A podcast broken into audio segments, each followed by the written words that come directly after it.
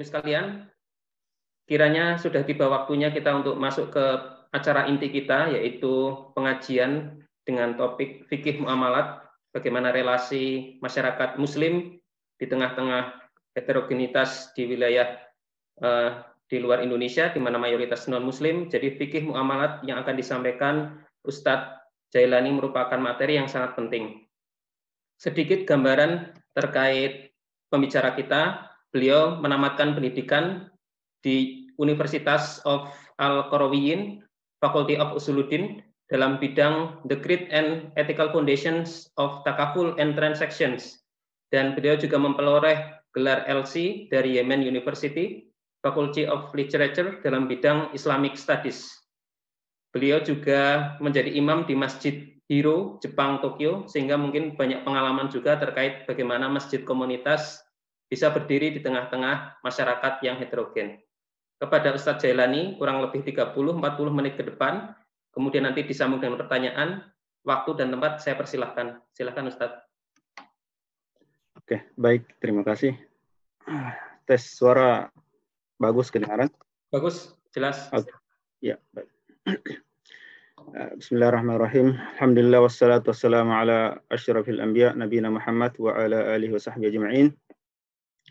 Allahumma alaika tawakkalna wa ilaika anabna wa ilaika nasir. Rabbi syrah li sadri wa yassir li amri wa min lisani yafqahu qawli. Ah, rekan-rekan pengajian kibar ya, ataupun pengajian PDLN ya, rekan-rekan kibar yang dirahmati Allah Subhanahu wa taala. Ah, Assalamualaikum warahmatullahi wabarakatuh.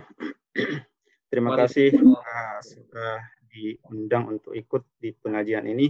Mudah-mudahan dengan perkenalan kita ini kita bisa mendapatkan uh, rahmat, taufik dan berkah dari Allah Subhanahu wa taala. Walaupun jarak yang begitu jauh yang me, uh, antara Tokyo dan London ya, ya kurang lebih berapa jam ya? 9 jam ya atau teman-teman yang dirahmati Allah Subhanahu wa taala, saya dikasih amanah untuk memberikan tema tentang fikih uh, muamalah ya, muamalah ma'aghairil muslimin yaitu ya interaksi muslim dengan non muslim.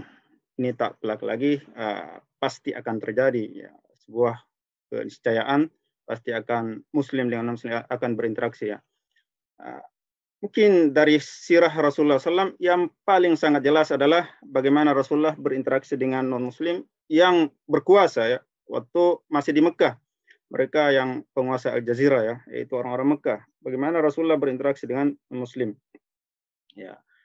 Di situ Rasulullah kita ambillah ya satu uh, peristiwa sejarah yang sangat penting dalam perjalanan umat Islam ke depannya itu uh,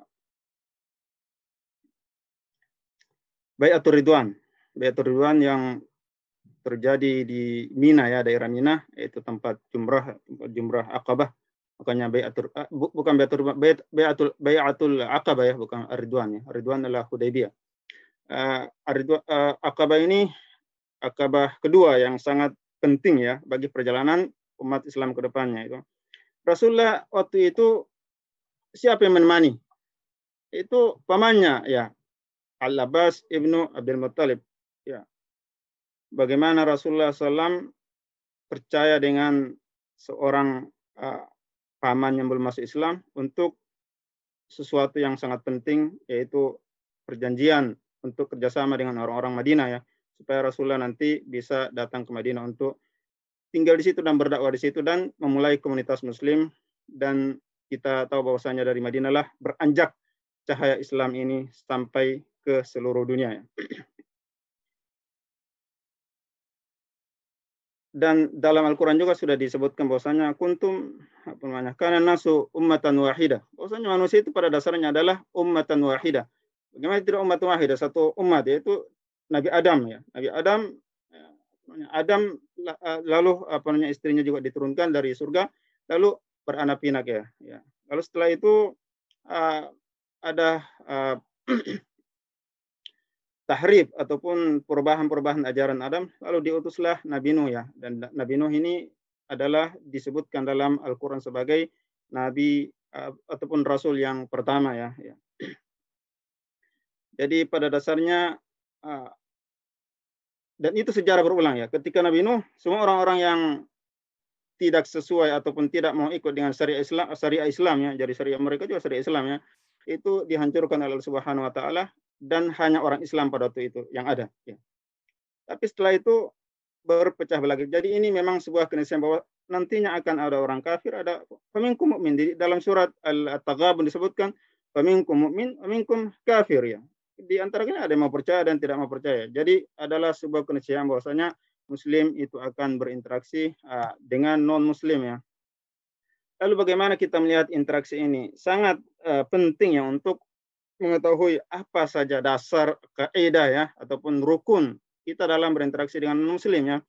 Hubungan dengan muslim itu berdiri di atas tiga rukun penting ya. ya.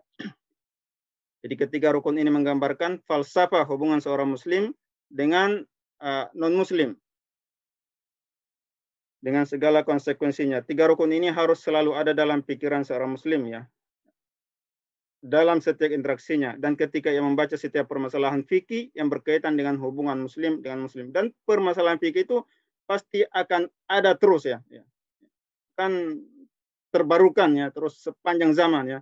Terbarukan permasalahan-permasalahan fikih ya. Dan uh, kita harus kembali kepada tiga rukun untuk me, bagaimana kita supaya ber apa interaksi kita dengan muslim itu ber, apa namanya berdiri di atas nilai-nilai yang sesuai dengan ajaran Islam yang benar ya. Yang pertama adalah uh, al-wala dan al-bara ya. Al-wala wal-bara kita nanti jelaskan ya. Lalu akhlak yang baik ya dan mengajak kepada Islam ya. Ini tiga rukun utama yang harus selalu ada dalam pikiran kita ketika kita berinteraksi dengan non muslim ya. Yang pertama adalah uh, al-wala wal bara ya. Al-wala ini artinya ah, adalah mencintai, ya, menolong, menolong siapa? Menolong Allah ya, karena Allah yang punya apa namanya ajaran ini ya, yang menurunkan ajaran ini ajaran Islam adalah Allah, menolong Allah ya, dan juga menolong Rasulnya ya, karena mereka adalah orang-orang eh, Rasul Rasul Nabi Muhammad SAW yang me, dengan perantaraan beliau risalah ini tersampaikan uh, kepada kita ya. Lalu para sahabat. Kenapa? Karena mereka inilah ruwat ya, periwayat pertama ya, ya. Rantai pertama yang menjadikan kita bisa mendapatkan ajaran ini ya. ya. Bahkan para sahabat ini oleh para ahli hadis semuanya disebutkan adalah udul ya. Kalau ada berita yang benar dari apa namanya berita yang uh, kuat ya ataupun bisa dipertanggungjawabkan kebenarannya itu diriwayatkan dari sahabat maka dan mereka mengatakan bahwasanya itu diriwayatkan dari Rasulullah maka pastikan bahwasanya sahabat itu tidak berbohong. Karena para sahabat adalah udul ya. Ini peran penting para sahabat ya. Oleh karena itu di sini dimasukkan di sini mencintai dan menolong Allah Rasulnya para sahabat dan juga orang beriman dan bertauhid secara umum ya. Mungkin yang uh, ayat yang paling sering di kita dengar kita baca atau kita dengar ya. Ya itu adalah uh, Al-Maidah ayat 1 Al-Maidah ayat 51 ya. ya. Itu janganlah kalian uh, la tattakhil yahud dan nasara auliya ya. ya. Ataupun di ayat lain ya, ya. Di ayat lain ada la tattakhil yahud dan nasara auliya ba'duhum auliya ba'd ya. Ya, ini disebut aulia di sini ya. Itu dari kata al-wala ya. Mencintai dan menolong ya, ya. Mencintai apa maksudnya di sini? Mencintai adalah alud ya, mencintai dengan apa namanya uh, seikhlas ya benar-benar cinta yang ikhlas ya ya bukan apa namanya uh, karena uh, mujamalah ya ataupun uh, berbasa-basi ya, ya. Tapi di sini cinta yang benar-benar ikhlas ya. Itu untuk menolong Allah, Rasulnya, para sahabat, orang beriman dan bertauhid ya. Lalu al-bara ya. ya. Jadi al-wala ini loyalitas ya. Kalau al-bara adalah uh, lawannya ya. ya. Dalam membenci setiap menentang Allah, Rasulnya, para sahabat, dan orang beriman dan bertauhid ya. Jadi al-wala wal bara ini adalah ikatan keimanan yang uh, paling kuat ya. Allah sangat memberikan penekanan terhadap ikatan tersebut dan memberi peringatan untuk tidak menggampangkannya ya, serta menekankan untuk tidak berada di pihak yang membela dan mencintai orang-orang non muslim ya. ya. Di sini perlu uh, apa namanya dijelaskan dengan baik ya, ya. Apa nama uh, membela dan mencintai ya. Ketika orang non muslim itu misalnya ya datang dengan nilai-nilai universal ya yang juga di apa diakui oleh Islam ya dan Islam itu datang untuk melengkapi nilai-nilai universal universal itu ya ya ketika mereka membela kebenaran tidak mungkin kita apa namanya tidak mencintai mereka ya ya ataupun tidak membela mereka karena mereka sebenarnya membela ataupun uh, memperjuangkan ajaran yang ada dalam ajaran Islamnya ya jadi bukan berarti orang itu kafir lalu kita apa namanya uh, langsung kita perangi kita punya uh, musuhi. Ya, tidak seperti itu ya. Ya, ketika mereka namanya melawan ajaran Islam ya, ajaran Allah Subhanahu wa taala, maka di situ kita tidak boleh membela dan mencintai orang tersebut ya. Sampai-sampai dalam Al-Qur'an kita tidak mendapatkan dalil dan petunjuk yang lebih banyak dan lebih jelas daripada hukum al-wala wal bara ya. Setelah hukum wajibnya mengesahkan Allah dan uh, larangan menyekutunya, yang menyekutukan Allah Subhanahu wa taala. Ya, jadi di sini uh, al-wala wal bara ini adalah mempunyai kedudukan yang sangat penting ya dalam ajaran Islam. Itu yang pertama adalah merupakan dari bagian dari makna syahadat ya. La ilaha illallah ya. Di sini la ilaha ini al-bara ya. Kita namanya ber apa namanya at-tabarru ya, ya, melepaskan diri ya dari semua sesembahan apa namanya selain Allah Subhanahu wa taala ya. Lalu walak kita hanya kita tujukan kepada Allah Subhanahu wa taala dalam beribadah ya. ya. Jadi di sini adalah uh, kalimat la ilaha illallah kalimat tauhid yang berarti bahwasanya tidak ada Tuhan yang berhak untuk disembah ya. Di sini adalah uh,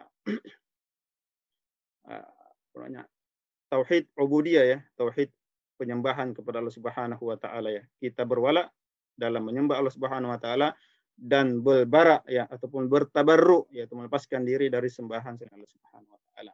Jadi ini yang pertama, yang kedua adalah dia adalah uh, syarat uh, sahnya keimanannya disebutkan dalam apa namanya surat Al-Maidah ayat 881 ya. wa tara katsiran minhum yatallawna alladziina kafaru lebih sama uh, apa namanya lebih sama kawan ya uh, sungguhnya ya kalian melihat mereka ya tara katsiran minhum ya yatawallawna alladziina kafaru. Ini uh, menilik ataupun merujuk kepada uh, perbuatan orang-orang munafik di Madinah ya. Ya, orang-orang munafik di Madinah itu setiap ada persoalan ya, uh, ketegangan antara orang Islam dan orang Yahudi ya. Sebenarnya sudah ada perjanjiannya, tapi yang membuat masalah itu selalu ada orang Yahudi. Tapi ternyata orang-orang munafik ini selalu membela orang-orang uh, Yahudi ya. Itu di sini namanya al-wala ya wala mereka itu pembelaan mereka ya, ya pembelaan mereka jelas-jelas kepada orang-orang uh, non Islamnya. Sudah jelas bahwasanya orang munafik di dalam Al-Qur'an adalah uh, seperti orang-orang apa namanya yang tidak beriman ya, ya. Wamin apa namanya?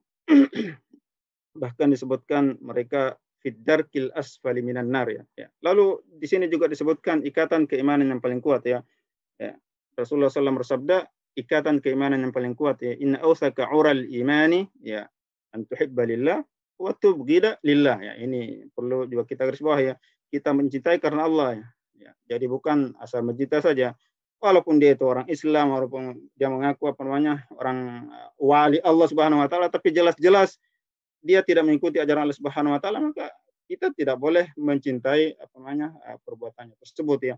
Ya, jadi kita mencintainya karena Allah Subhanahu wa taala dan juga membenci karena Allah. Walaupun dia itu adalah kerabat yang paling dekat ya, tapi dia menentang Allah Subhanahu wa taala, bahkan memerangi ya memerangi Allah Subhanahu wa taala maka di sini ya bukan bahkan sekedar dibenci ya orang-orang para sahabat pada para sahabat uh, Rasulullah SAW waktu perang Badar bahkan ada yang membunuh anaknya sendiri membunuh bapaknya ya membunuh kerabat-kerabat dekatnya itu karena namanya mereka memerangi Allah Subhanahu wa taala ya. Lalu yang berikutnya juga uh, al-wala al-bara ini kedudukannya adalah uh, menjadi faktor utama kita bisa mendapatkan rasa manisnya imannya. Ya. Salatun man kunna fihi wajada halawatal iman ya. Ada tiga perkara siapa yang mendapatkannya maka ia akan mendapat kemanisnya imannya. Di sini ada tiga disebut ya. Duanya itu tentang al-wala al-bara ya. Itu yang pertama adalah mencintai Allah dan Rasulnya melebihi cinta kepada selain keduanya. Lalu mencintai seorang karena Allah dan benci kembali kepada kekufuran sebagaimana ia benci untuk dilempar ke dalam api neraka ya. Lalu yang berikutnya adalah mendapatkan pertolongan Allah Subhanahu wa taala setelah mewujudkan al-wala al-barah dan ini yang sangat apa namanya susah ya kita apa namanya uh, dapatkan di dalam komunitas muslim uh, pada hari ini ya. Mereka sibuk untuk apa namanya dengan perbedaan-perbedaan fikih, perbedaan-perbedaan dalam masalah furu' ya, bukan dalam masalah-masalah inti ya mereka rela untuk apa namanya uh, bermusuhan bahkan saling memerangi. Ya. Jadi mereka uh, sangat uh, jauh ya dari uh, al-wala al-bara di antara mereka sehingga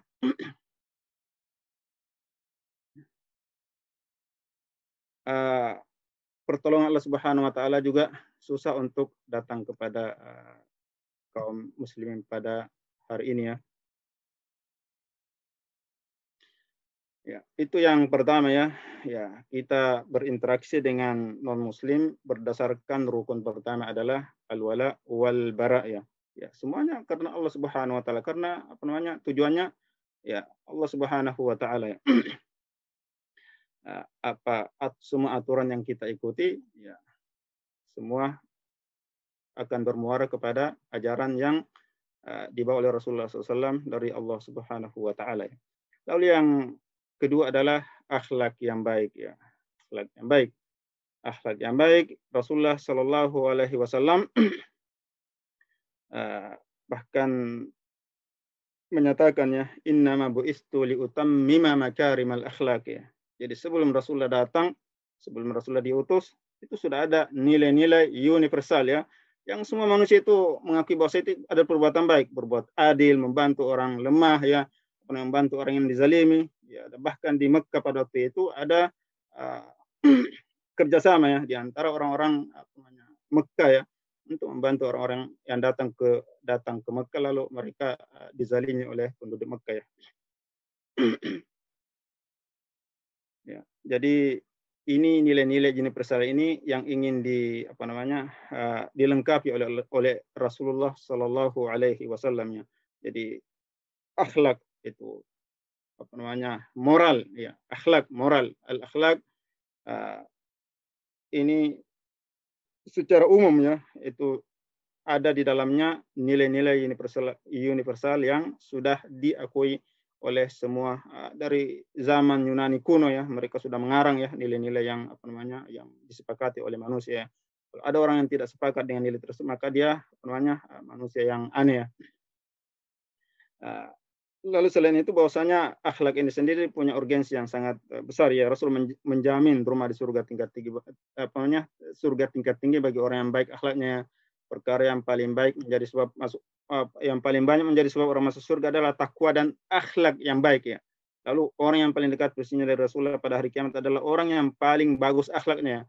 Ya, salah satu tugas terpenting Rasulullah adalah ya innama bu'istu liutammima makarimal akhlak ya jadi ya di sini uh, ayat yang paling banyak dijadikan rujukan di dalam masalah ini yaitu di surat Al-Mumtahana ya, Al-Mumtahana ayat uh, 8 ya. ya. Dan hakumullahu anil ladina lam yuqatilukum fid dini wa lam yukhrijukum min diyarikum an tabarruhum wa tuqsitu ilaihim. Jadi albir dan al-iqsat ya. Albir itu adalah berbuat baik ya apa namanya lebih daripada sekedar al ihsan ya ihsan itu membalas dengan sepadannya tapi albir ini membalas lebih dari orang itu berbuat baik kepada kamu. Itu namanya albir. Lalu al-iqsad ya. Al-iqsad itu ya berbuat adil seperti sudah di apa namanya uh, dibaca tadi di surat Al-Maidah juga ya. La jrimannakum syara'anu qaumin alla alla ala alla ta'dilu ya. I'diluhu aqrabu littaqwa. Ya. Itu al-iqsad ya.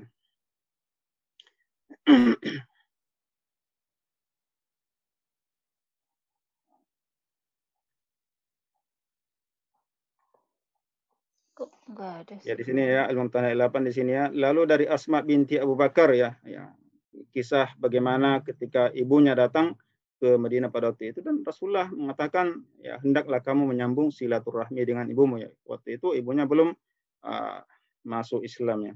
Jadi di sini apa namanya uh, dasar yang sangat penting ya ya rukun yang sangat penting juga di dalam berinteraksi dengan non muslim jangan karena dia itu non muslim lalu membenci di sini bukan apa namanya uh, berarti memusuhi dan tidak mau berinteraksi dan tidak mau berbuat baik ya. Itu membenci perbuatannya karena dia tidak mau apa namanya menentang ya ajaran Allah Subhanahu wa taala ya ya tapi berbuat baik ya segala nilai-nilai apa namanya uh, kebaikan di dalam Islam itu harus kita munculkan ya dalam diri kita untuk apa namanya uh, uh, dalam berinteraksi dengan non muslim tersebut ya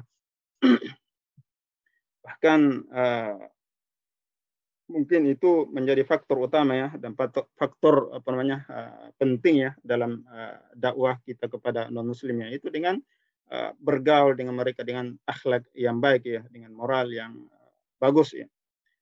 ya. Lalu yang ketiga adalah uh, mengajak kepada Islamnya. Ini ya kita ketika berinteraksi ya dan ini dicontohkan oleh uh, Rasulullah dan para sahabat ya. ya. Bahkan Rasulullah Sallallahu Alaihi Wasallam ya. Di dalam Al-Quran banyak disebutkan dia sangat sedih ya. Kalau melihat orang itu tidak beriman ya. Ya bahkan di dalam surat Al-Kahfi ya disebutkan bahwasanya falallaka bakhun nafsaka ya ya. Kau mungkin sangat pedih hati melihat orang-orang itu tidak mau mengikuti kamu ya. Janganlah kamu terlalu bersedia karena pada dasarnya mereka akan bertanggung jawab terhadap perbuatan mereka sendiri. Adapun kewajiban kamu itu adalah menyampaikan kebenaran tersebut ya. Dengan segala cara ya yang kamu mampu ya. ya.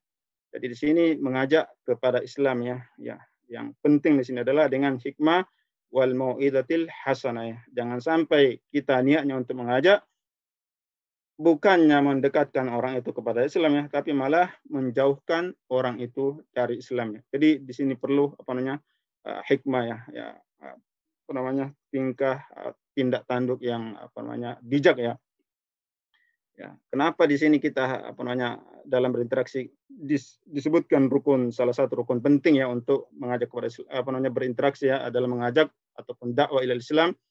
Ya, karena pada dasarnya dakwah ini adalah hukumnya uh, fardu kifayah ya. Dakwah kepada Islam bagi wajib bagi siapa saja bukan hanya bagi yang nampak soleh dan istiqamah. Ya. Dakwah kepada Islam tidak harus uh, banyak ilmu ya. Hanya hal-hal yang mungkin apa namanya uh, kita bisa contohkan ya, ya contohkan uh, kita bisa hidup dengan namanya disiplin bisa berbuat jujur ya ya asidku ya ya ini salah satu uh, nilai dalam Islam yang sangat dipentingkan ya ya bukan dikatakan uh, alaikum bisidqi ya ya. Hendaklah engkau itu selalu berbuat jujur ya. Fa inna sidqa yahdi ilal bir ya. Karena kejujuran itu mengantarkan kamu kepada kebaikan. Wa innal birra yahdi ilal jannah. Dan kebaikan itu mengantarmu kepada uh, surga ya di dasarnya kejujuran dan kejujuran adalah nilai yang universal ya ya. Orang itu akan sangat respect ya apa namanya uh, hormat kepada anda. Jika anda apa jika kamu apa namanya uh, bisa berinteraksi dengan mereka secara jujur ya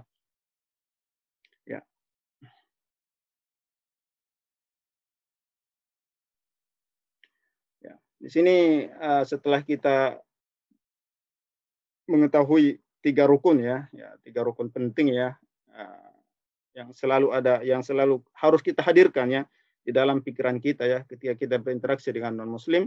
Ya, yang pertama tadi al-wala wal bara ya, ya. Lalu yang namanya yang kedua adalah al akhlak al hasanah ya, ya akhlak yang baik yang terpuji.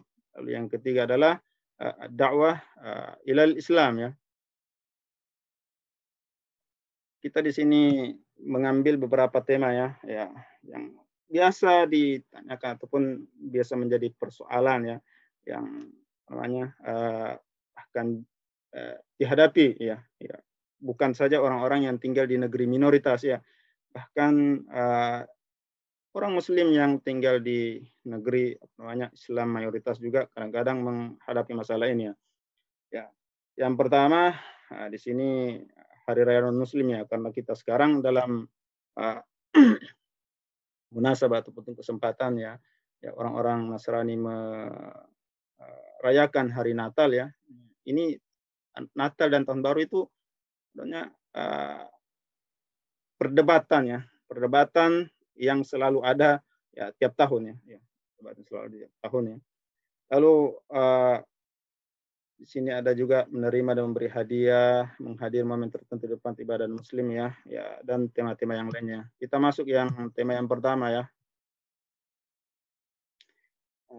Di sini yang pertama dalam hari raya berkaitan dengan hari raya non muslim ya.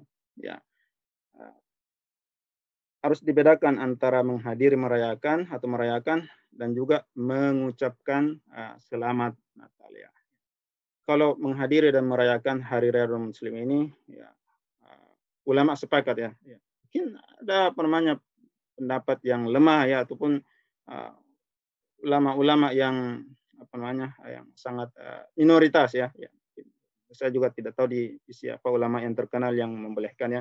Tapi kebanyakan uh, ulama mengatakan ada ijma ya, ulama sepakat ya, ijma melarang perayaan hari raya non muslim ya atau ikut uh, namanya uh, bergembira dengan uh, perayaan mereka ya. Dalilnya adalah yang pertama adalah alladzina la yashhaduna zur ya. Pertama ya. Walladzina la yashhaduna zur wa idza marru bil lagwi marru kirama ya dan orang-orang yang tidak menghadiri azur majelis uh, dosa ya dan jika mereka bertemu dengan orang yang uh, mengerjakan hal-hal yang ber, apa namanya uh, ini tidak berguna ya tidak berguna uh, lagu ya mereka melewatinya saja dengan uh, menjaga kehormatan dirinya ya. tidak ikut masuk ke dalam acara-acara yang tidak berguna tersebut ya dan ini sudah berkaitan dengan syiar dan ibadah non muslim maka itu namanya bagi orang Islam adalah azur ya. ya. Karena apa ya? Ini beribadah kepada non apa namanya kepada uh, selain Allah Subhanahu wa taala di antara namanya dosa yang uh, dalam ajaran Islam adalah dosa yang besar ya. Ya. Di sini beberapa tabiin mengatakan bahwasanya uh, azur di sini adalah hari raya uh, orang musyrik ya. Lalu turut merayakan menunjukkan rasa cinta ya dan suka kepada mereka. Ini sudah masuk kepada namanya al-wala ya.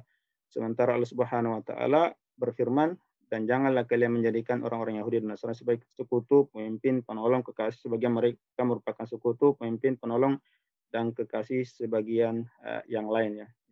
Lalu uh, ini juga merupakan indikasi tasabuh ya, ya tindakan tasabuh merupa menyerupai non muslim ya.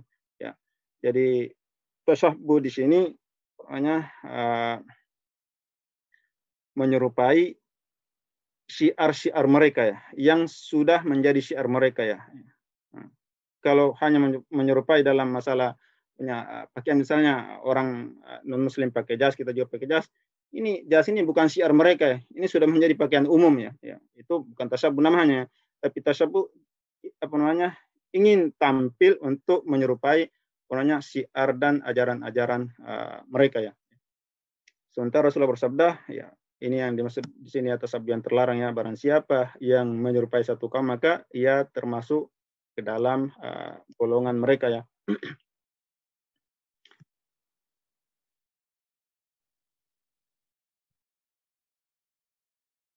Uh, lalu yang kedua ya, ini namanya mengucapkan selamat hari raya kepada non muslim ya. Ini yang tentu banyak uh, memunculkan perdebatannya. Sejak, sudah apa namanya saya pikir sudah uh, lebih dari 10 tahun yang lalu ya ataupun apa namanya sudah lama sekali ya itu al majlis al urbi ya al buhuth wal ifta ya Majelis uh, Fatwa Eropa ya itu sudah mengeluarkan fatwa bahwasanya mengucapkan uh, untuk selamat Natal ya ya selamat Natal itu uh, dibolehkan ya, ya. Tapi tentunya di sini banyak ulama yang tidak sepakat dengan pendapat tersebut ya. Masing-masing punya alasannya. Ya. Mari kita lihat di sini alasan yang apa namanya tidak membolehkan ya. Di sini orang-orang yang tidak membolehkan mengatakan bahwasanya itu ada kesepakatan ulama ya. Tapi orang mengatakan ini apa namanya orang-orang yang tidak sesuai dengan pendapat ini mengatakan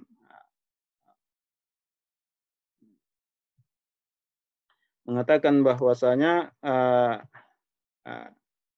al-ijma ya mengatakan ada kesepakatan ulama ya. Ini kadang-kadang dijadikan senjata untuk uh, namanya menyerang ya pihak yang tidak sepakat ya. Padahal apa namanya tidak ada buktinya bahwasanya ada kesepakatan ulama ya. ya. Ini dikatakan oleh Ibnu Qayyim ya Al-Jauziyah ya.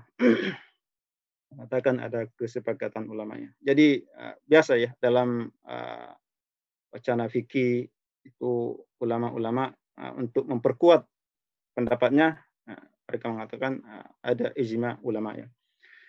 Lalu yang kedua, apa namanya, mengucapkan selamat hari raya kepada muslim ini bukan termasuk albir ya ataupun al-iqsad yang dimaksud di dalam surat al-mumtahanah ya. Ya.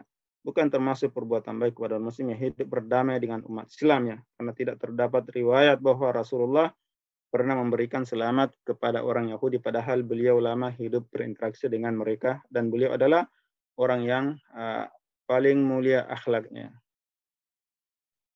Lalu uh, mengkiaskan ucapan selamat dengan menjawab salam dan memenuhi undangan adalah kias yang tidak sepadannya karena ya tak ada hubungannya dengan syiar agama ya. ya. Jadi khusus untuk apa namanya uh, menjawab salam itu uh, dibolehkan ya. Dikatakan assalamualaikum maka fakafiuhu ya maka jawablah dengan yang sama ya. ini tidak boleh dikiaskan dengan ucapan selamat hari raya kepada mereka karena hari raya itu adalah uh, syiar ya uh, syiar itu sudah termasuk sudah termasuk ke dalam uh, masalah uh, ibadah ya ta'abbudiyah ya ya jadi uh, erat hubungannya dengan syiar dan simbol agama ya seperti dalam hadis ya setiap kaum mempunyai hari raya dan ini adalah hari raya kita ya. ya itu merujuk kepada uh, hari raya apa namanya uh, Idul Fitri ataupun Idul Adha ya. Lalu uh, riwayat dari Ibnu Abbas yang dikatakan bahwasanya beliau berkata seandainya Firaun berkata kepadaku barakallahu fik ya semoga Allah memberkatimu maka akan aku jawab wafika dan juga untukmu al adab uh, al mufrad ya itu al karangan Bukhari sama hukumnya dengan menjawab salam dan berkata baik ya. Tidak ada perdebatan dalam masalah ini. Ada pun mengucapkan selamat hari raya, urusannya beda ya. Tidak ada hubungannya dengan uh, namanya salam-salam tadi ya. Ini di antara alasan ya yang mengatakan tidak boleh mengucapkan selamat hari raya kepada uh, non-muslim ya. Ya, Lalu uh, yang membolehkan ya, ini yang membolehkan banyak ulama-ulama, terutama ulama-ulama kontemporer ya, ya di uh, paling depan itu yang pernah berfatwa masalah ini adalah Syekh Yusuf Al-Qardawi ya, juga pendiri apa namanya majelis majelis fatwa dan uh, Majelis Fatwa Eropa ya, ya mereka ada eh, beliau adalah pendirinya. Ya, di sini di antara alasan eh, mereka adalah bahwasanya mengucapkan selamat ya tidak berarti setuju dengan kesesatan mereka ya, melainkan sebagai uh, jadi di sini dalilnya sama ya, ya, ya tapi apa namanya uh, itu penafsirannya yang berbeda ya. ya. Dia berdalil juga kepada Al-Mumtahan ayat 8 ini ya, yaitu bahwasanya itu termasuk ya albir. Kalau yang tadi mengatakan itu tidak termasuk ya. Pada perbuatan albir dan al-iqsad ya itu berbuat adil ya uh, berbuat albir yaitu pun ini berbuat baik kepada mereka yang di situ dikatakan la yanhakum alladziina lam yuqatilukum ya ya, orang-orang yang tidak memarahi kalian, ya tidak mengganggu kalian, tidak apa namanya menghalang-halangi kalian untuk apa namanya melakukan syiar-syiar kalian ya, tidak mengusir kalian dari tempat tinggal kalian ya. Bahkan ya mungkin orang-orang yang tinggal di negeri minoritas ya, ya kalian yang datang kepada negeri mereka dan mereka menyambut uh, apa namanya uh, kalian dengan baik ya. Bahkan apa namanya uh, sering terasa ya, ya uh, hidup di negeri mereka ini lebih terasa kita sebagai manusia daripada hidup di negeri sendiri ya. Ya, ini banyak berkata seperti ini ya. ya kita benar-benar dimanusiakan ya. Ya, karena nilai-nilai yang uh, universal ya, yang tadi berlaku di namanya uh, negara tersebut ya. Jadi di sini apa namanya sudah mereka berbuat baik ya, maka sudah selayaknya juga kita berbuat baik kepada mereka ya. Dan ini di antara cara kita berbuat baik kepada mereka ya, terutama orang-orang yang punya ikatan yang khusus dengan kita ya yang ketika kita apa namanya uh, tidak mengucapkan salam kepada mereka maka mereka akan mungkin merasa aneh ya, ya mungkin teman di lab ya ataupun tetangga ataupun orang-orang yang sering kita bergaul dengan uh, mereka ya. ya, lalu yang uh, kedua ya, kita harus membedakan antara uh, ritual keagamaan ya, dan fenomena sosial ya. Mungkin kalau Natal di Jepang ya, itu bukan ritual keagamaan sama sekali bukan ya. Orang-orang Jepang itu tidak jelas uh, agamanya ya. kalau uh, hari raya agama penuhnya Buddha mereka merayakannya. Hari raya Natal mereka juga merayakannya. Jadi tidak jelas itu ada fenomena sosial ya bukan ritual keagamaannya. Ya jadi sini kita harus membedakan antara ritual keagamaan. Jadi uh, orang yang membolehkan juga ini tidak secara apa namanya uh, buta boleh meng, apa namanya mengucapkan selamat terhadap uh, seluruh uh, apa namanya uh, hari raya mereka ya. Ya. Jadi ada hari raya mereka yang benar-benar apa namanya uh, ritual ya keagamaan mereka itu mereka juga mengatakan uh, tidak dibolehkan. Ya. Lalu di sini juga uh, mereka mengatakan kita harus membedakan antara hukum fikih dan fatwa ya. Ini fatwa uh, yang paling apa namanya uh, sering menjadi rujukan bahwasanya adalah fatwa Ibnu Taimiyah ya. Ibnu Taimiyah. Yang mengatakan ya tidak boleh apa namanya uh, mengucapkan selamat uh, hari raya kepada uh, non muslim ya. Dan juga tentunya diikuti oleh muridnya ya Ibnu Qayyim al Jauziyah bahkan Ibnu Qayyim seperti yang kita sebutkan tadi mengatakan bahwasanya uh, ini adalah kesepakatan ulama ya. jadi itu apa namanya perdebatan ini setiap tahun terjadi. Ada yang membolehkan, ada yang apa namanya uh, tidak membolehkan ya. ya. Bagaimana apa yang harus kita apa namanya uh, pegang ya. Ya, silahkan kalian bertanya kepada apa namanya diri apa namanya diri sendiri ya mana yang apa namanya lebih maslahat untuk diikuti ya dan apa namanya orang yang membolehkan ini juga bukan apa namanya ulama apa namanya uh, yang sering disebut kaleng-kalengan ulama palsu ya Ya, mereka juga adalah bahkan ya orang yang menentang itu mengatakan banyak di antara orang-orang yang sangat kami hormati. Ya. Bahkan mereka menentang apa namanya pendapatnya. Banyak di antara ulama yang sangat kami hormati, sangat kami respect kepada mereka, tapi mereka mengatakan uh, boleh mengucapkan uh, selamat uh, hari pada hari Natal ya dan juga uh, tahun baru ya.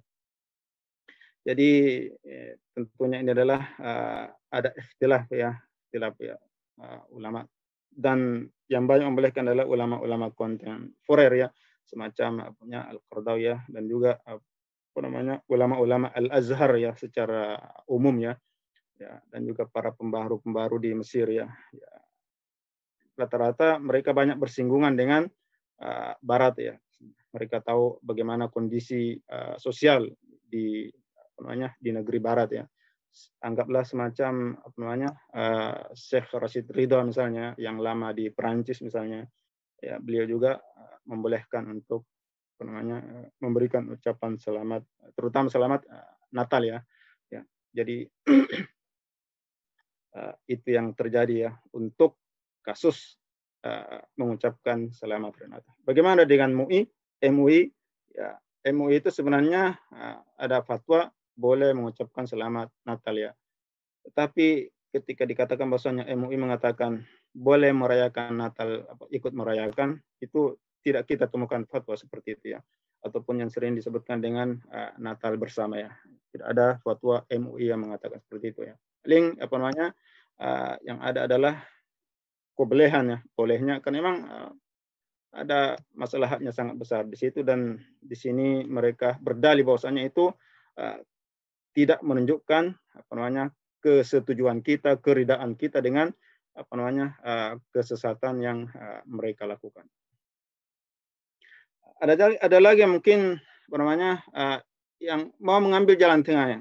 ya. Boleh memberikan selamat ya, tapi apa namanya hindari kata-kata yang kalau dalam bahasa Arab biasanya kami Eid Mubarak ya. ya.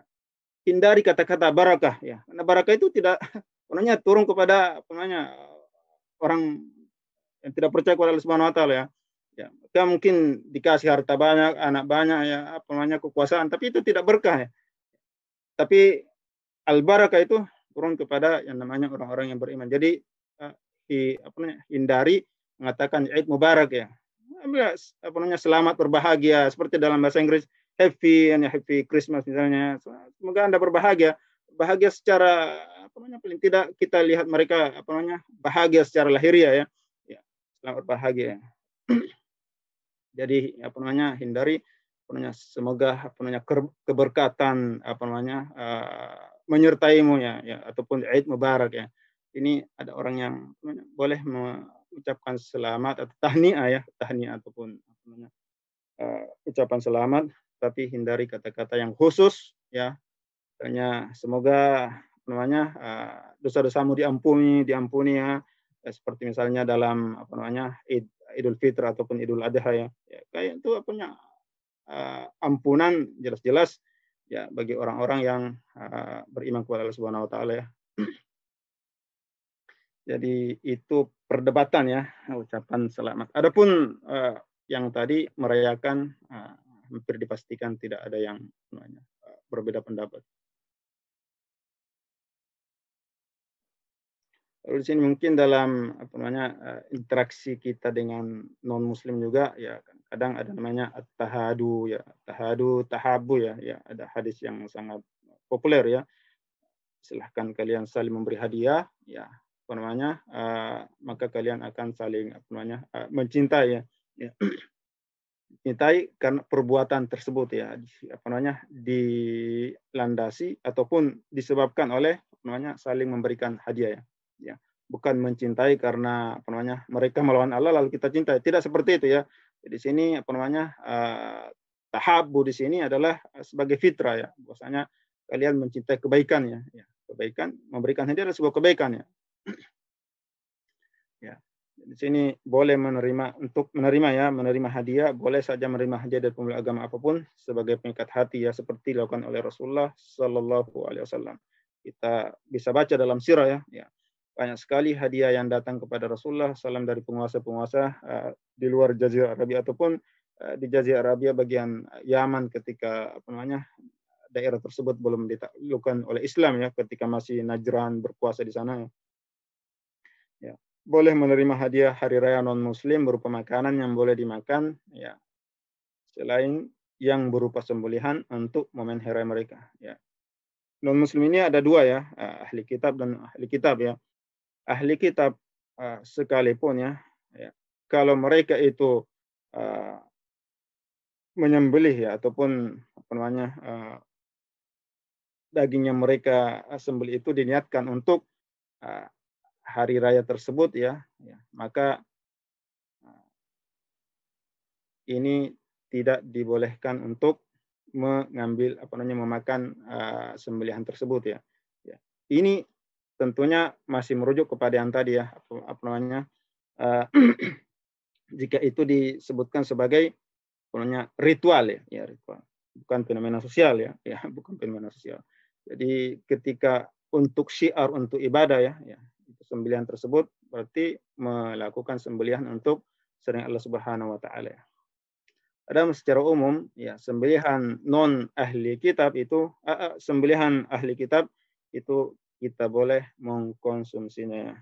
Jika kita yakin bahwasanya itu tidak dicampur misalnya uh, dengan apa namanya barang-barang uh, yang najis misalnya. Lalu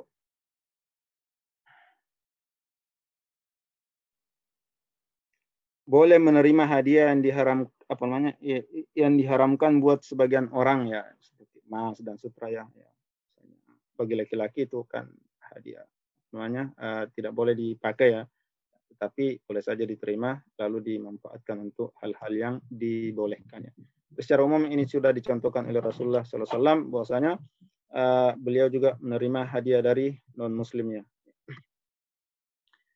Lalu memberi hadiah kepada non muslim. Ah, kita boleh memberi hadiah kepada muslim sebagai pengikat hati untuk membalas pemberian hadiah dari mereka serta sebagai bentuk kebaikan bagi mereka ya. Ini albir ya, lian hakmullah alladziina lam yuqatilukum fid wa lam yukhrijukum min diyarikum an tabarruhum ya.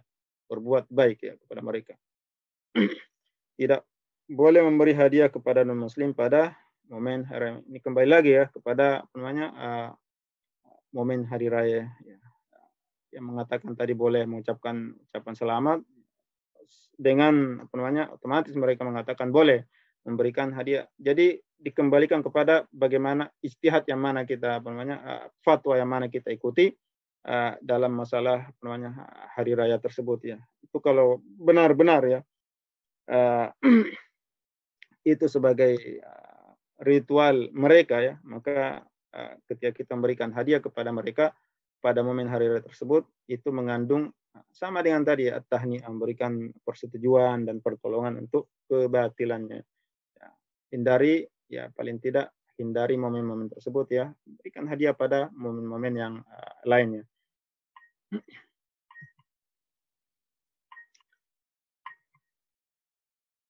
Lalu di sini juga uh, kadang-kadang kita diundang untuk menghadiri momen ya tertentu di tempat uh, ibadah non muslim ya. ya.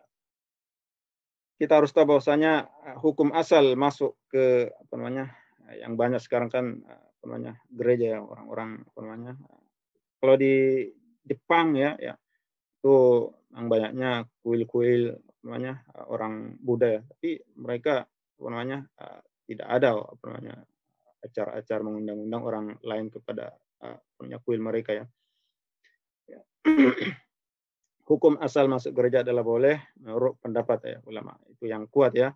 ya bahkan uh, ketika pembebasan Syam ya ataupun Syria pada waktu itu apa orang-orang Islam pada waktu itu malah uh, sholat di gereja ya. ya. Ada beberapa kondisi yang menyebabkan tidak boleh mengunjungi dan masuk gereja misalnya jika bertepatan dengan uh, hari raya dan lain-lain karena di situ disebutkan kita ikut merayakan hari raya tersebut ya boleh memberikan ucapan selamat ya kepada non muslim ya, ya untuk momen non uh, keagamaan ya boleh memenuhi undangan pesta dan momen non keagamaan selama aman dari pelanggaran ya. ya. Lebih baik untuk tidak menghadiri pesta pernikahan di gereja karena biasanya tak aman dari berbagai pelanggaran ya. Jika mau mengucapkan selamat, kamu bisa melakukannya di uh, tempat lain ya. ya penting memberikan ucapan selamat ya. Ucapan selamat ya itu dibolehkan ya. Ya, karena itu bukan apa namanya uh, ditujukan untuk ritual keagamaan ya, tapi untuk uh, yang lainnya.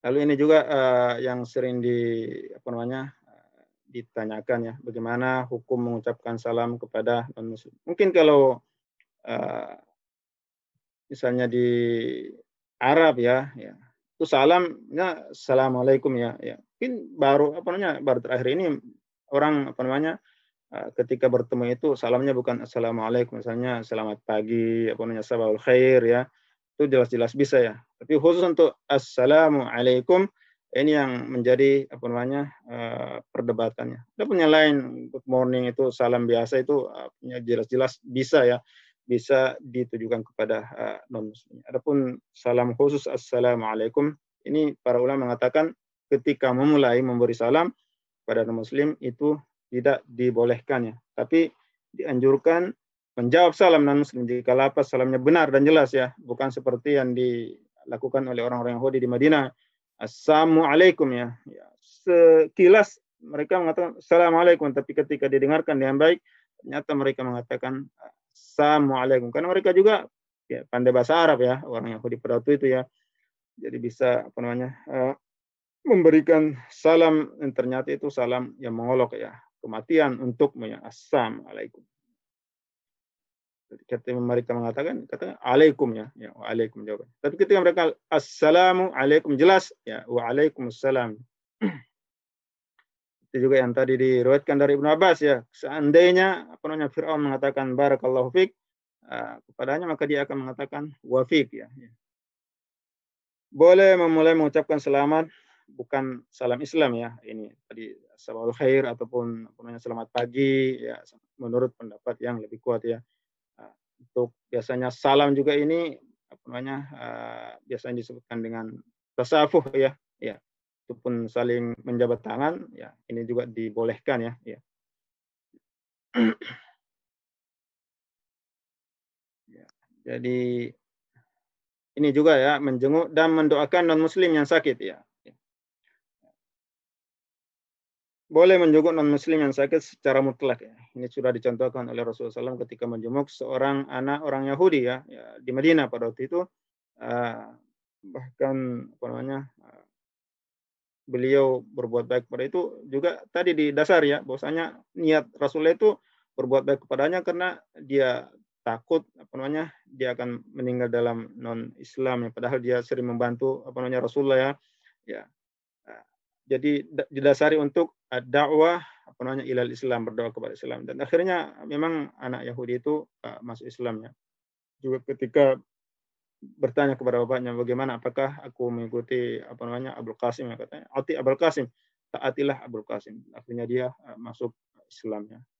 Rasulullah ketika apa namanya itu menjenguk dia ketika dia sakit seorang muslim seharusnya menggunakan sebaik mungkin setiap kesempatan berdoa kepada Allah di antaranya kesempatan menjenguk orang sakit. Karena ini kesempatan yang sangat mungkin di tengah kesibukan orang sekarang ya bahkan ya ya seorang punya kerabat dekat saja ya ya untuk menjenguk kerabatnya yang sakit itu mungkin punya susah ya.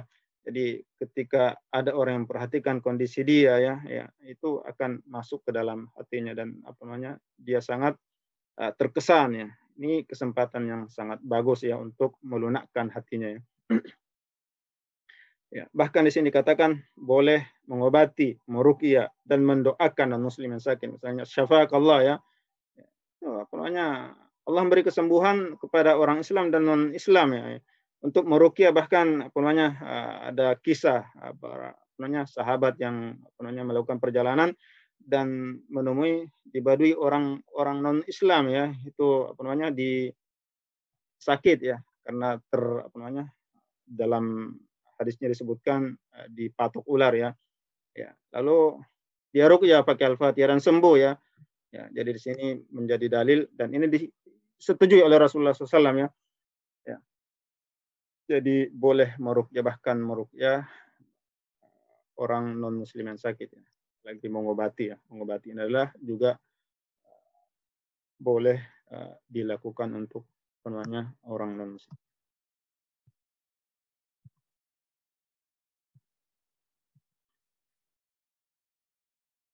Lalu yang berikutnya ya, kadang kadang-kadang ada namanya takziah, apalagi kalau kerabat dekat ya. Bagaimana? Apakah dia boleh menghadiri penyelenggaraan jenazah di gereja takziah ya? Ya, di sini kan boleh secara mutlak bertakziah kepada non muslim yang tadi ya lain uh, ladina lam yuqatilukum fid din ya. Ya itu apa namanya? Uh, tidak memerangi kalian ya. Ya. Al musalimin ya orang-orang yang hidup damai dengan Islam ya orang-orang Islam maka secara mutlak boleh bertakziah kepada mereka ya. Jika mereka mendapatkan kematian mendapatkan musibah kita doakan. Ya yang jelas hindari doa-doa misalnya nah, semoga dia diampuni ya. Itu kan boleh doa seperti itu ya. Ya, semoga misalnya uh, punya keluarganya diberikan kesabaran ya, ya seperti itu ya. Ya, di sini katakan haram mendoakan rahmat, maghfirah dan surga untuk non muslim yang meninggal ya atau doa-doa lain yang hanya diperuntukkan bagi muslim ya. Ya, boleh mendoakan keluarga mayit non muslim supaya musibahnya diringankan, dipanjangkan umur, diperbanyak harta, keturunan dan lain-lain ya. Karena ini adalah bersifat uh, duniawi ya. Doa-doa yang bersifat duniawi. Boleh menghadiri penyelenggaraan jenazah kerabat non muslim ya boleh menghadiri jenazah non muslim bukan kerabat jika terdapat uh, maslahat ya. Tidak boleh ikut ritual keagamaan dalam penyelenggaraan jenazah. Jadi apa namanya uh, itu tadi kembalinya kepada tadi ya al-wala wal bara ya. Kalau masalah-masalah apa namanya ritual ya. Ya, al-wala al bara itu kan masuk ada segi-segi ibadah ya. Ya tadi kita sebutkan bahwasanya di antara makna umum ya, ya daripada la ilaha illallah itu adalah al-wala wal bara ya tidak boleh ikut ritual keagamaan dalam penyelenggaraan jenazah, penyelenggaraan jenazah. Haram menghadiri ritual jenazah di gereja karena uh, mengandung arti persetujuan ya dengan ritual-ritual yang ada ya. Lalu ini mungkin yang terakhir ya, uh, menghukumi neraka kepada non muslim tertentu ya. Bagaimana prinsip Islam namanya. Namanya neraka surga itu hak Allah Subhanahu wa taala ya. Tapi namanya tentunya ya ada yang sudah diberitakan dalam Quran sebuah kepastian ya. Bahwasanya jika dia tidak beriman kepada Allah Subhanahu wa taala pasti namanya uh, dia masuk neraka ya. Itu secara umum ya ya.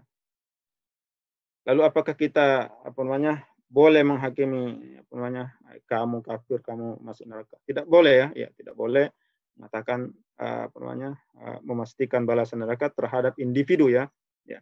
Tetapi individu yang sudah dipastikan masuk neraka oleh Al-Quran dan As-Sunnah ya seperti Fir'aun, Amr bin Hayy, Abu Lahab itu boleh. Itu apa namanya jelas-jelas ya. Tapi yang tidak apa namanya uh, dipastikan maka boleh saja ya ada alasan ya. Ya. Bahwasanya apa namanya dia misalnya tidak termasuk orang yang mendapatkan hujah ya. Ya tidak berlaku hujah atasnya. Artinya mungkin apa namanya kebenaran Islam tidak sampai kepada dia dengan benar ya. Karena orang-orang di sekitarnya tidak memberikan apa namanya pencerahan kepada tentang Islam dan sampai dia mati dia mati dalam non Islam ya. Ya itu tidak berlaku hujah atasnya. Dan Allah Subhanahu wa taala Maha adil ya. Jadi ini secara umum kita katakan bahwasanya orang kafir itu masuk neraka tapi secara individu kita tidak boleh uh, apa namanya uh, berkata bahwasanya dia masuk uh, neraka ya. ya karena kita tidak tahu apakah dia apa namanya mati dalam keadaan kafir itu nanti tidak ada lagi alasan bagi dia di akhirat nanti bahwasanya mungkin kebenaran Islam tidak sampai kepada dia kita tidak boleh menghukumi secara individu ya jadi ini uh, mungkin yang bisa saya sampaikan ya, ya dalam kajian kita kali ini ya. Wa akhiru da'wana alhamdulillahi rabbil alamin. Saya kembalikan kepada uh, moderator.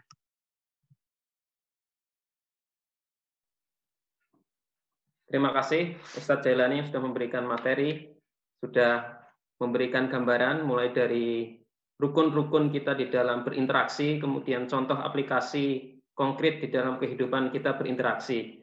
Bapak Ibu semuanya, saudara-saudari jamaah pengajian Kiper UK dan PDLN, silakan Bapak Ibu bisa bertanya, bisa melalui lewat chat, maupun juga bisa menyampaikan secara langsung lewat online Zoom meeting kita, bisa dengan fitur angkat tangan atau langsung menyampaikan dengan bersuara. Setidaknya saat ini ada satu pertanyaan lewat chat, Ustadz, dari saudara Abdul Hadi. Beliau menanyakan, apakah ucapan innalillahi wa inna ilaihi rajiun bisa disampaikan kepada saudara kita yang non muslim begitu Ustaz Ya langsung aja ya. Itu langsung. boleh karena itu tidak ber apa namanya tidak ada arti doa di situ ya. ya. Tidak boleh itu adalah uh, mendoakan yang bersifat ukhrawi ya, yang ada hubungannya dengan akhirat. Adapun innalillahi wa inna itu adalah sebuah keputusan ya Allah Subhanahu wa taala bahwasanya kita ini berasal dari Allah dan akan kembali kepada Allah ya. Semua akan kembali kepada Allah. Ya. Baik, terima kasih Ustaz. Jadi jawabannya jelas dan clear dari segi artinya memang itu lafadznya juga tidak ada mendoakan bagi orang non muslim tapi memang sebuah pernyataan bahwa semua akan kembali kepada Allah Subhanahu wa taala. Kemudian ini ada saudari atau saudara Alifah. Silakan bisa langsung menyampaikan. Ya, assalamualaikum Ustaz. Uh, ini saya suaminya Alifah, bukan Alifah. Um, uh, saya, uh, kami alhamdulillah tinggal di Cambridge, Ustaz.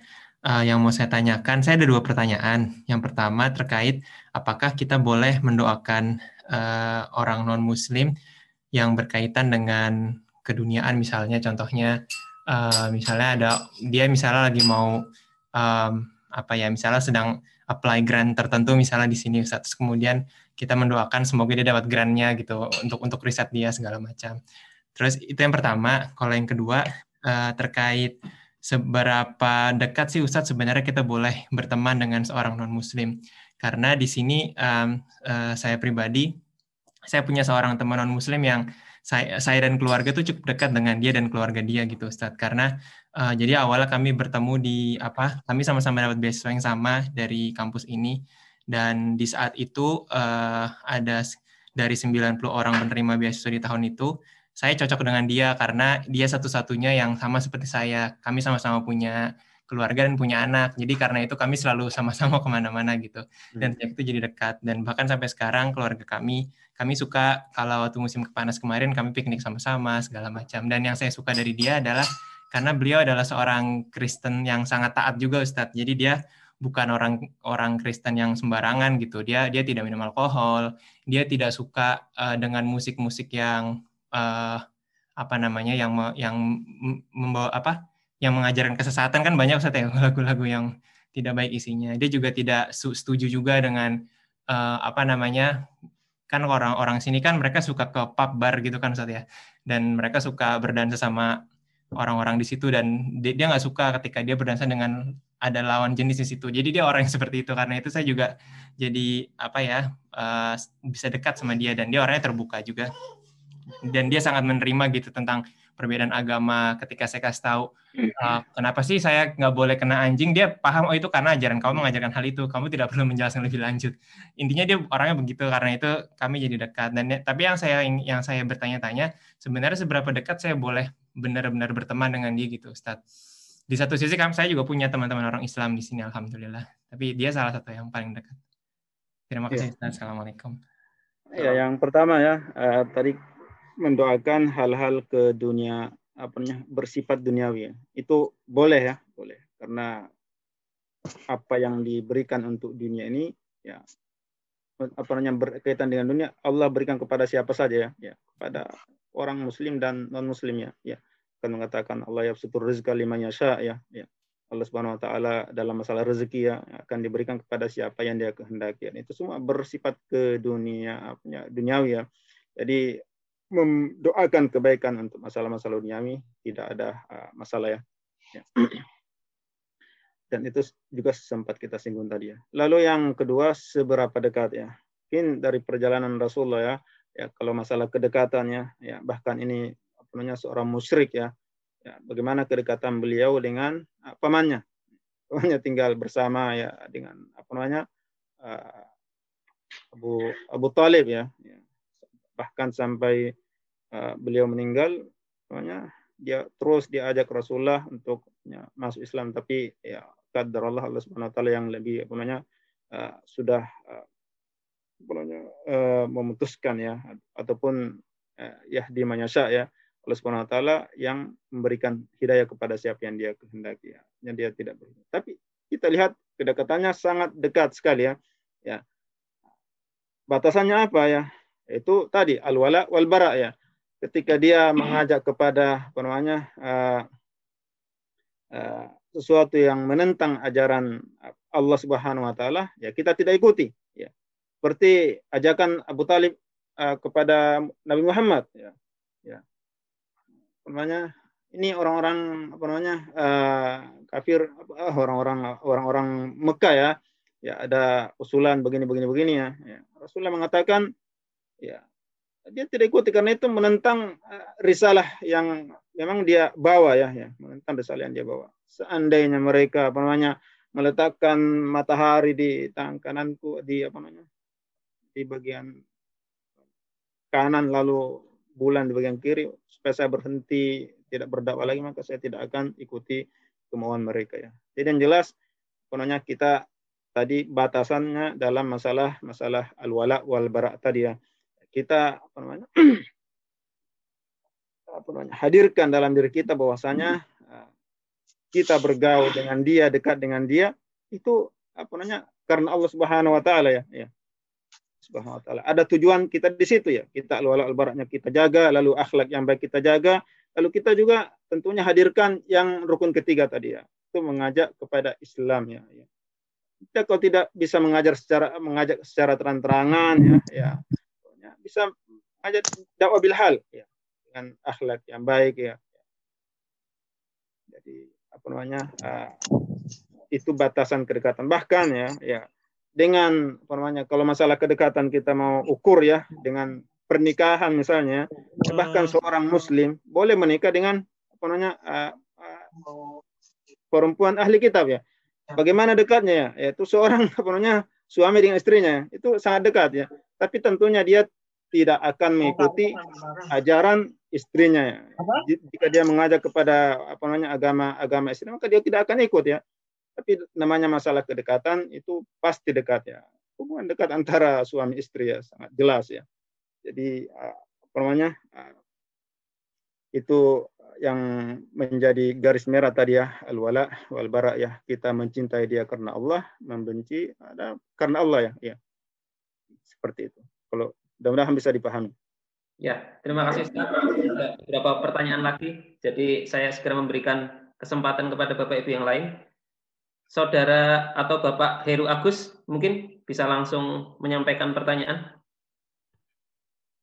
Assalamualaikum warahmatullahi wabarakatuh. Ustaz. Waalaikumsalam warahmatullahi wabarakatuh. Uh, yang saya mau saya tanyakan, saya tinggal di Chester di UK sudah berapa ta beberapa tahun ini, sekitar mungkin lebih 10 tahun ya.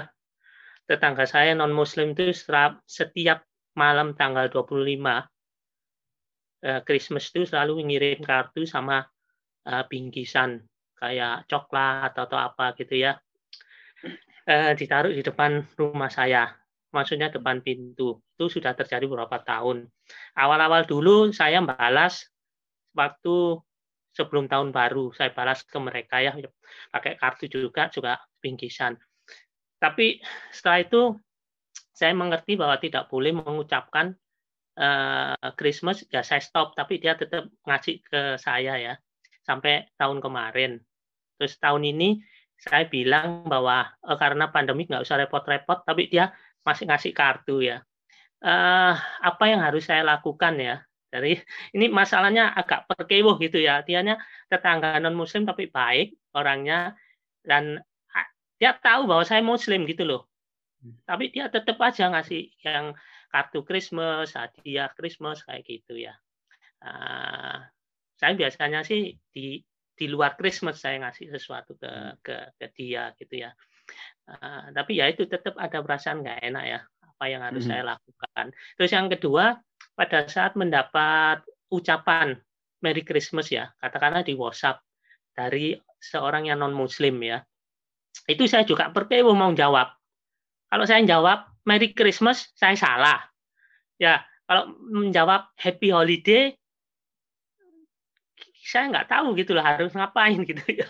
Jadi saya kadang saya diemin aja orangnya, tapi kan kita dapat ucapan Merry Christmas apa terus ada doanya segala macam gitu kok dia kitanya diem aja gitu ya. Jadi ini du, du, dua hal ini tiap tahun selalu muncul gitu loh ya. Jadi di kantor juga kalau orang yang mengerti bahwa saya non muslim mereka cuma mengucapkan happy holiday gitu sampai ketemu tahun depan.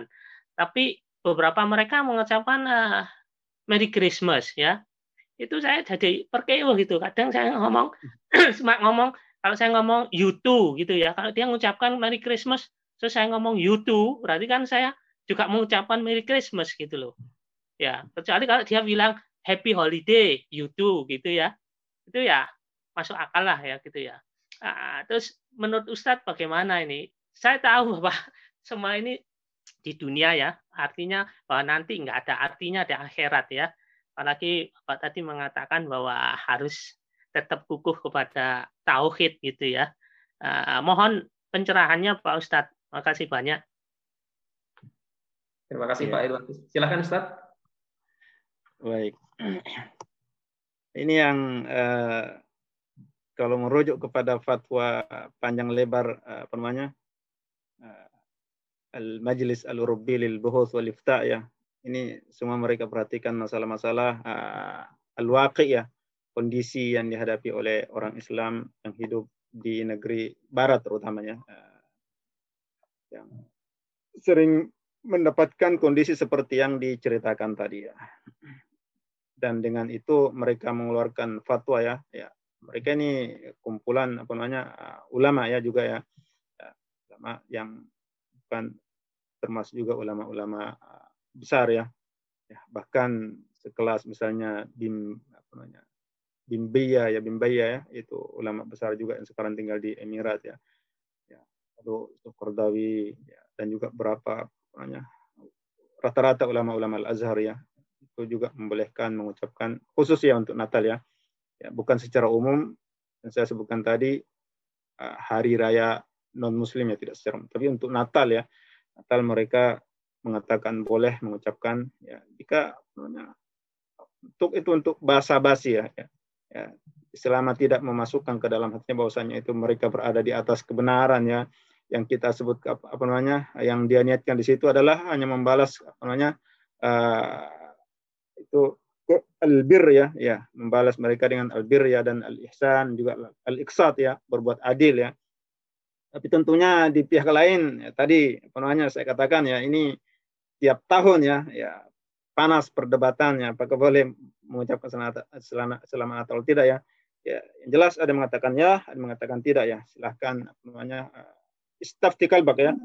Istaftikal bak apa namanya tanya kepada hati masing-masing mana yang lebih maslahat bagi anda ya.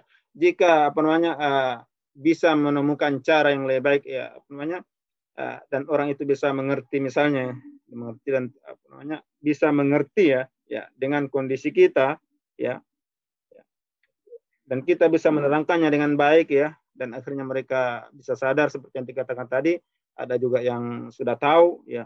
Ya tentunya bagaimana kita cara mengkomunikasikannya ya. Jadi yang pertama bagaimana kita pandai-pandai berkomunikasi, lalu yang kedua misalnya apa namanya sudah apa namanya uh, diusahakan ya, dikomunikasikan tapi tetap saja dia apa namanya uh, melakukan apa namanya mengirimkan ucapan Christmas seperti itu ya, ya.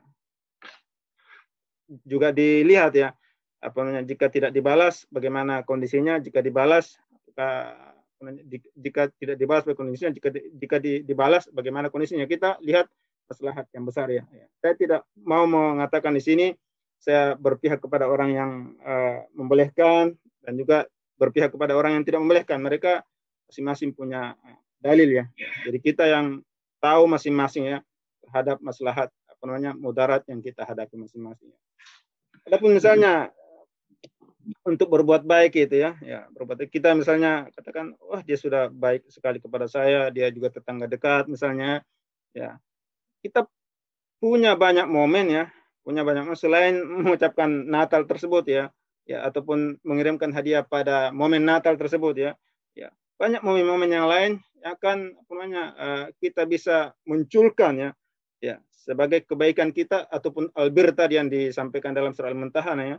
Ya momen-momen yang lain kita bisa munculkan albir kepada kita berbuat baik kepada mereka. Hanya ketika mereka uh, ada perlu bantuan, kita segera hadir di situ ya, dia sakit ya. Ataupun apa namanya uh, apa namanya ada sesuatu yang apa namanya uh, yang boleh kita bantu. Ataupun momen-momen biasa misalnya ya kita pulang dari Indonesia misalnya ataupun pulang dari apa namanya uh, uh, liburan misalnya kita kasih hadiah ya itu juga akan berbekas kepada dia ya. Bahwasanya dia juga berbaik kepada berbu, berbuat baik kepada kita kita juga berbuat baik kepada dia ya.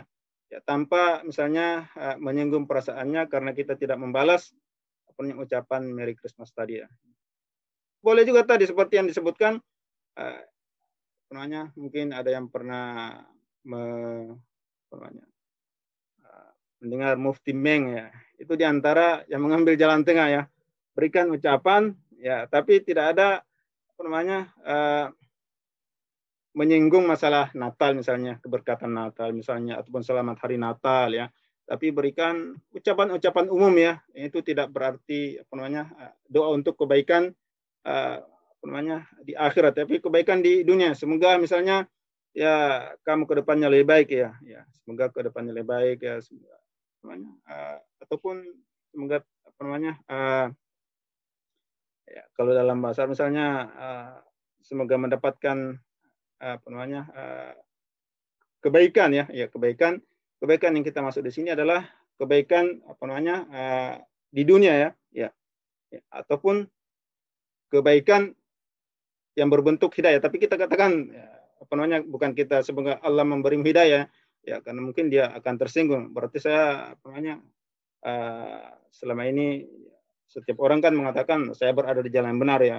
Pasti dia akan tersinggung dikatakan oleh hadik ya ataupun semoga kau diberikan hidayah ya. Tapi katakan semoga mendapatkan kebaikan. Tapi niatkan kita niatkan itu ya kebaikan baik di dunia ataupun kebaikan dari Allah Subhanahu wa taala berupa hidayah. Tapi namanya beri pilih kata-kata yang mungkin tidak apa namanya kalau misalnya mau mengikuti pendapat yang tidak membolehkan tadi ya, ya silahkan di apa namanya komunikasikan dengan dengan uh, cara sendiri ya, menghindari apa namanya uh, kata-kata yang langsung mengatakan selamat hari Natal ya ataupun ya uh, Eid Mubarak ya dalam bahasa Arab Eid Mubarak itu sudah sangat jelas ya semoga keberkatan apa namanya dalam Idmu ini Eid itu ya hari raya Eid ya jadi apa namanya? Ya saya sekali lagi mengatakan saya tidak berpihak kepada yang membolehkan dan juga tidak berpihak kepada yang uh, tidak membolehkan. Saya sendiri ya, secara pribadi tidak pernah mengucapkan selamat Natal kepada siapa pun.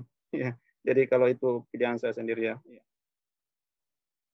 Jadi tapi kalau melihat apa namanya uh, fatwa dari Majelis eh, Eropa, apa namanya Majelis Fatwa Eropa, mereka alasannya itu panjang lebar juga, apa namanya bisa kita pahami ya ada namanya fikhul waqi ya, ya fikih apa namanya uh, uh, yang sangat apa namanya memperhatikan kondisi-kondisi di lapangan ya, ya. Dan mereka orang yang tinggal di lapangan itu yang lebih paham ya, dipaham daripada orang-orang yang tinggal di luar lapangan tersebut ya. Allah alam ya. Terima kasih Ustadz Jailani. Semoga tadi Pak Heru Agus mendapatkan inspirasi bahwa memang ada pendapat yang membolehkan dan tidak membolehkan dan Ustadz Jailani sendiri tadi menyampaikan masing-masing kondisi pendapat tersebut dan bagi Pak Heru Agus mungkin nanti bisa untuk menentukan kembali jawaban yang ingin disampaikan semoga tidak mengganggu muamalah atau hubungan yang baik di antara Pak Agus dan relasi-relasinya. Jazakallah khair. Jazakallah khair Pak Ustadz. Jazakallah khair Mas. Iya. Oke. Ada satu pertanyaan dari Pak Iwan sebenarnya tadi sudah dijawab sebetulnya di materi, tetapi mungkin bisa ditekankan lagi Ustaz Jelani. Pak Iwan bertanya begini, masih terkait memberikan salam dan menjawab salam dari orang non-muslim. Jadi Pak Iwan tadi menanyakan pertanyaan tersebut kembali, mungkin Pak Ustadz Jelani bisa menerangkan kembali terkait salam tadi Ustadz.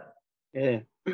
Misalkan sekarang ucapan assalamualaikum kan sudah menjadi general ya di semua acara di Indonesia misalnya itu semuanya dibuka ya. ditutup di semua forum siapa pun bisa mengucapkan itu juga bagaimana begitu Ustaz? Silahkan. Ya. Jadi di sini ada dua salam ya. Mungkin kalau di negeri Eropa misalnya ya, salam yang dimaksud di sini misalnya selamat pagi, selamat siang, selamat sore ya. Itu salam seperti itu tidak uh, apa namanya tidak masalah ya. Baik kita memulai ataupun menjawab ya. Ya yang tadi di apa namanya disinggung di dalam pembahasan tadi salam itu adalah uh, salam apa namanya uh, al-Islam ya yaitu assalamualaikum ya. Mungkin di negeri-negeri apa namanya Eropa negeri Barat ya ini salam apa ini? Mungkin juga mereka tidak tahu. Assalamualaikum ya. Ya. Kecuali mungkin namanya kita teman dengan orang Arab yang Kristen ya. Ya misalnya uh, dia tahu tentang assalamualaikum. Bagaimana hukumnya kita mengatakan assalamualaikum kepadanya? Tadi disebutkan bahwasanya kalau memulai ya memang ada yang mengatakan boleh memulai juga ya assalamualaikum ya. Dan salam di sini kita tidak maksudkan salam kesejahteraan, keselamatan nanti di akhirat nanti ya, tapi kesejahteraan secara umum di dunia ini ya. Itu ada yang mentakwilkan salam tersebut untuk masalah-masalah duniawi kepada non muslim ya. ya. Lalu untuk apa namanya uh, majelis ya sebuah majelis ya. Misalnya di majelis itu ada satu orang Islam ya, kita sudah jelas boleh ya boleh mengatakan assalamualaikum walaupun di antara mereka kebanyakan mereka non muslim ya kata-kata assalamualaikum itu tidak apa-apa ya Nah, itu untuk yang memberikan salam lebih dahulu ya. Tapi kalau menjawab salam itu uh, semua ulama mengatakan boleh membalas salam ya. Selama dia tidak berniat untuk mengejek ya. ya. Dan sekarang mungkin apa namanya untuk mengejek seperti itu kasusnya sudah jarang ya. Beda dengan apa namanya uh, kondisi pada waktu itu di Madinah ya orang-orang Yahudi ya yang selalu memberikan salam yang ejekan kepada orang-orang uh, Islam ya bahkan kepada Nabi Muhammad sallallahu alaihi wasallam ya.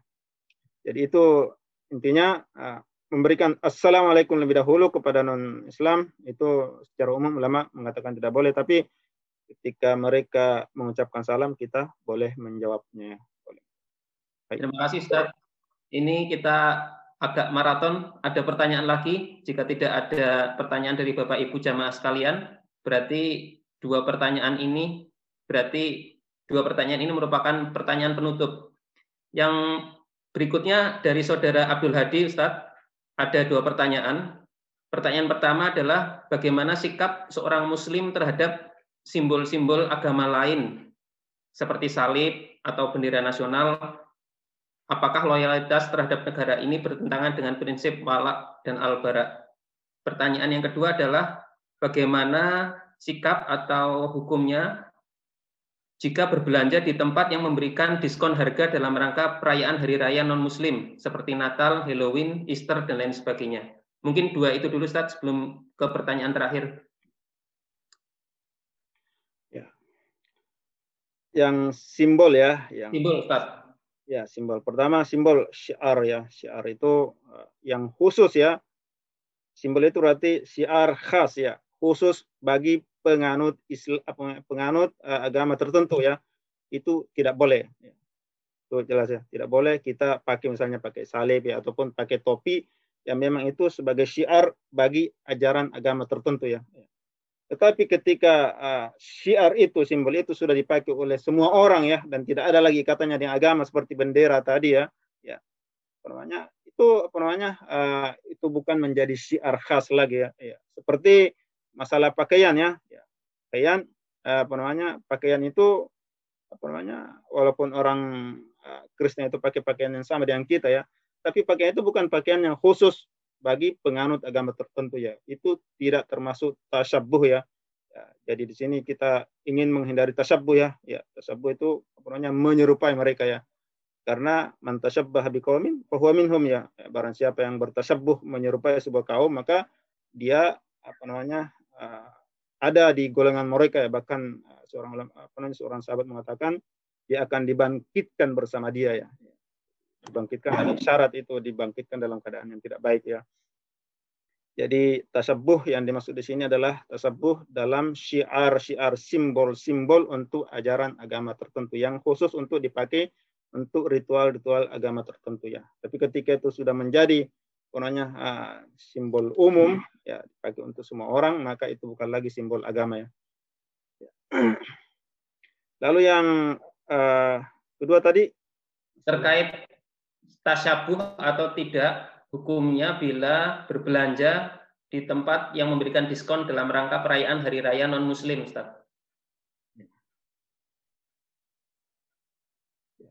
Jadi di sini uh, diskon ya, ya diskon itu apa namanya uh, hak untuk semua yang membeli ya. ya.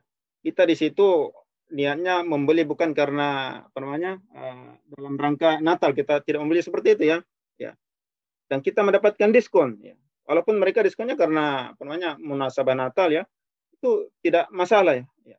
Karena itu akan diberikan kepada semua pembeli bukan saja pembeli Kristen. Misalnya ini apa namanya uh, karena dia apa namanya uh, membeli uh, dan dia namanya uh, non muslim maka dia namanya uh, dikasih ya misalnya. Karena dia non muslim maka dia dikasih karena ini ber, ada namanya uh, dalam rangka Natal misalnya. Ya tidak, tidak namanya kita tidak boleh menerimanya ya. Dia memberikan karena namanya uh, dalam rangka Natal ya. Tapi kita mendapatkan diskon di sini karena kita apa kita pembeli. Dan ini hak untuk semua pembeli ya. Di sini muamalah apa namanya al baik wasyira ya jual beli ya. Ya tidak ada urusannya dengan apa namanya uh, karena kita mau apa namanya uh, uh, ikuti syiar mereka ya ataupun menyetujui syiar uh, Natal tersebut. Tidak ada sama sekali ya. Kita ke situ beli karena ada keperluan ya. Jadi kalaupun dia dap kita dapatkan diskon maka itu hak kita ya sebagai pembeli. Allah alam. Ustaz, ini satu pertanyaan terakhir sebelum kita tutup dari saudara Perdana. Pertanyaannya adalah bagaimana hukumnya pekerjaan tetapi terkait dengan perayaan agama lain. Misalkan toko mendapatkan pesanan untuk membuat kartu doa atau mendapatkan pesanan makanan untuk perayaan agama yang lain. Begitu Ustaz, bagaimana? Ya, ini uh, kalau namanya yang tadi berpendapat bahwasanya uh, sebuah perayaan itu itu sudah menjadi ritual khusus ya ya. Misalnya tadi pendapat yang tidak membolehkan ucapan Natal ya. Jelas-jelas mereka mengatakan tentunya eh, wa ta'awanu 'alal birri taqwa wa la ta'awanu 'alal itsmi wal 'udwan ya. Ya janganlah saling tolong menolong dalam dalam apa al itsm dosa dan uh, udwan ya permusuhan terhadap uh, agama Allah Subhanahu wa taala ya sebaliknya yang tadi mengatakan boleh mengucapkan apa namanya uh, di sini kita fatwa mana yang kita ikuti ya? Ya kalau mengikuti fatwa yang tadi yang boleh mengucapkan apa namanya uh, selamat Natal itu dia boleh apa namanya uh, menerima hadiah pada waktu itu dan juga boleh apa namanya memberikan hadiah pada waktu itu ya ya. Dan bahkan misalnya jika ada pesanan tadi seperti dikatakan tadi ada pesanan ya kita boleh uh, mengerjakannya. Karena itu tidak berarti persetujuan kita. Ini besar-besar hanya muamalah malia misalnya ya. Ada apa namanya uh, ada barang ada jasa ya. Bukan apa namanya kita berhubungan bermuamalah dalam masalah ini karena kita ada persetujuan dalam hati kita kita sepakat dengan kesesatan mereka perbuat ya. Jadi itu apa namanya dalam betul-betul karena muamalah malia ya. Ada barang ada jasa. Tapi bagi yang fatwa yang apa namanya ulama yang tadi ya yang ikut Ibnu Taimiyah Ibnu Qayyim ya ya itu uh, sudah memasukkan semuanya itu ke dalam masalah ta'awun alal ismi wal udwan yang dilarang ya. Wala ta'awanu alal ismi wal udwan ya. Janganlah tolong menolong ya karena itu kita ikut membantu katanya ya kita ikut membantu dalam ya, dosa dan kesesatan ataupun permusuhan al udwan ya. Wallah alam. Jadi silahkan namanya dikembalikan tadi kepada uh, dua muara fatwa tadi ya. Alhamdulillah, terima kasih Ustadz Jailani. Materi hari ini insya Allah memberikan pengetahuan dan inspirasi bagi kita untuk bisa memberikan uh, kontribusi yang terbaik di masyarakat.